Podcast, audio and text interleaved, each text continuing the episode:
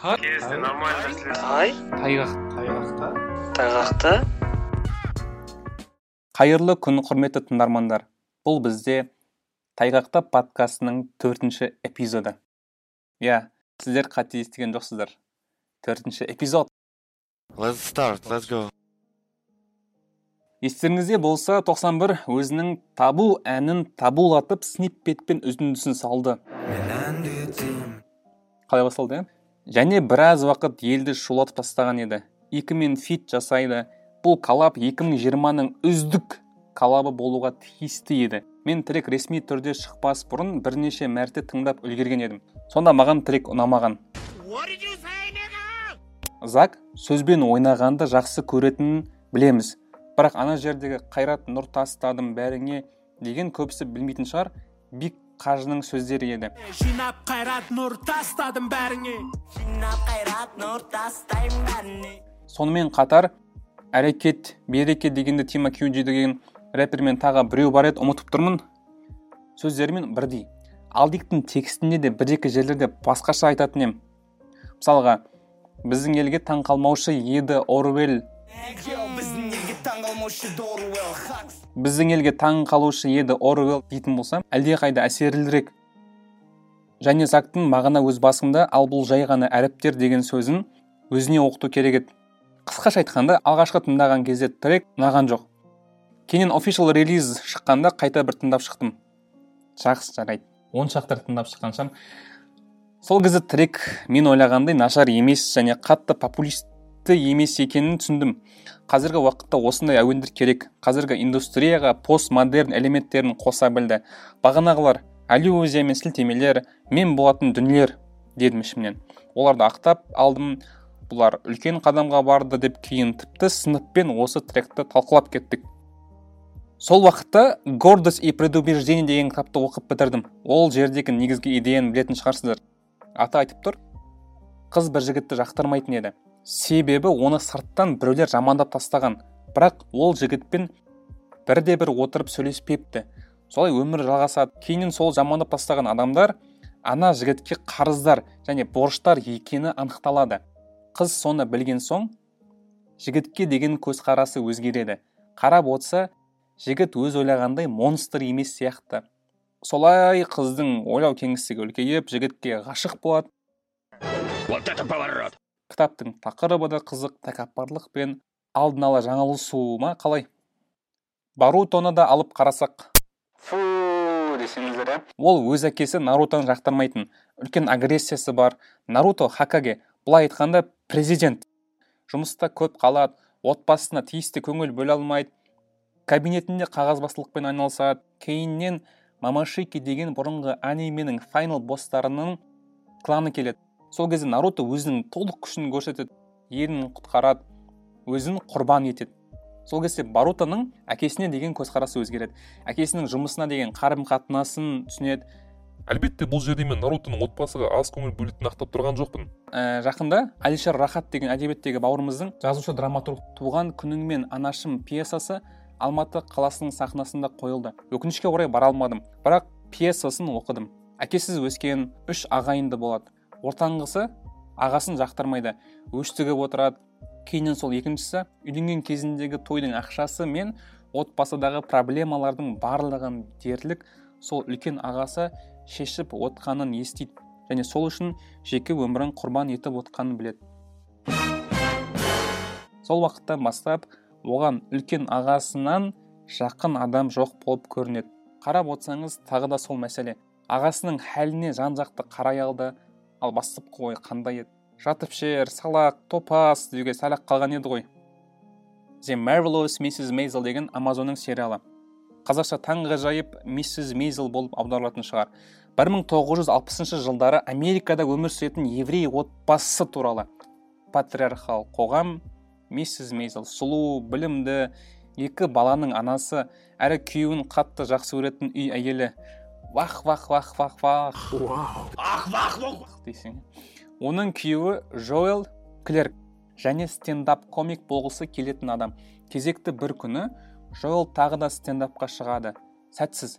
Барлық әзілдері нысанадан мүлт кетті. Оның әзіл айту тоны да біртүрлі сол 80-ші левелдегі ақырзаманнан кейін жол өз әйелін тастап кетіп қалады. Кімге дейсіз ғой? Сөйтсе ол бірнеше уақыттан бері әйелінің көзіне раушан гүлін жақсы жақсы. Әйелінің көзіне шөп салып жүр екен. Миссис мейзел қиналады тіпті жұмысқа тұрады. Әйел адамның жұмыс істеп жүргені отбасысы үшін күлкілі. Үйдегілері күйеуіңді қайтарып ал сенікі дұрыс емес деген сөздер сөйлейді. Яғни ата анасы қызын түсіне алмайды. Содан кейін миссис мейзел ішіндегісін ақтару үшін бір күні стендапқа мас күйінде шығады. Хиросима нагасакиден кейінгі екінші үлкен жарылыс болады сол түнгі клубта. В общем күндер өтіп мейзелдер қайта қосылмақшы болады екеуі де әлі күнге дейін бірін бірі жақсы көреді екен. Тастап кеткен әйеліммен қайта қосылатын болдым деп бақыттың басы айналып жүрген джоэл бір кешкі уақытта өздеріне таныс түнгі клубқа кіріп қалады. Қарасы миссис мейзел сахнада әзіл айтып тұр екен. Сол мезет жоэлдің әлемін тағы бір сілкіп жібереді. Әйеліне деген көзқарасы өзгеріп кетеді. Оны жақсы көретін еді. Бірақ енді оны қабылдай алмайды. Сондағысы әйел адамдар стендапқа қалайша шыға алады деген ой. Кімнің себебінен шығып отыр екен шаруасы жоқ. Чбд майами. Атты шоулы что было дальше? Бұл шоуға адамдар өздерін моральды түрде дайындап кіреді. Сізден төмен әзіл айтылуы мүмкін екеніне ашық сарказм оқтарының атылатынын сезіп келеді. Олег майамиде сергейге прикол ұстамақшы болады. Сол қолмен амандаспақшы болады. Ал сергей сол қолы жоқ. Комик еді Приколы! бірақ бұл чбд ның мән мәтінінде нормал әзіл болуы тиіс. Содан агрессиядан агрессия басталып барлық комиктер олегке қарсы шабуылдайды.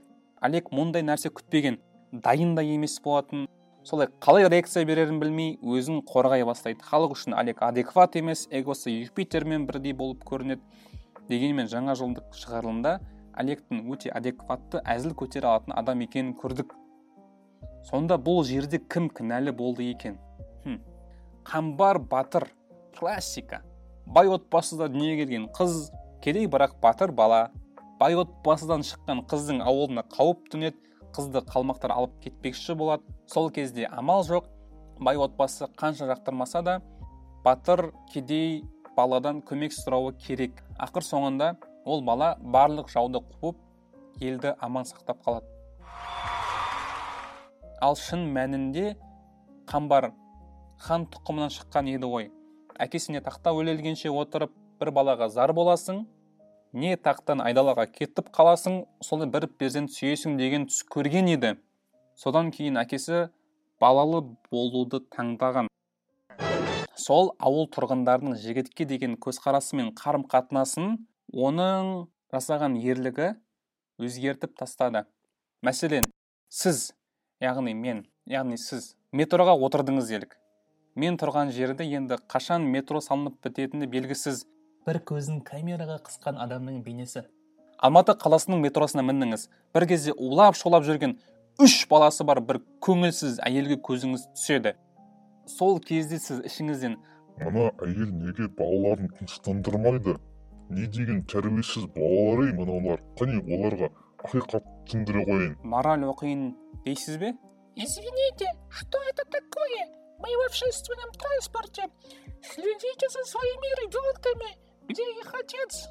дейсіз мысалы сол кезде ана әйел жылап жібереді жылап жібереді әйел сізге әкесін жерлеп келе жатқан ек десе қандай күйде боласыз мыжып не қыламыз иә егер де біреу бірдеңкені біздің ойымызша дұрыс істемеген болса не дұрыс ойламаса не дұрыс емес болса оны жақтырмаймыз. Алдымен санамызды оларды соттап шешім қабылдап тастаймыз.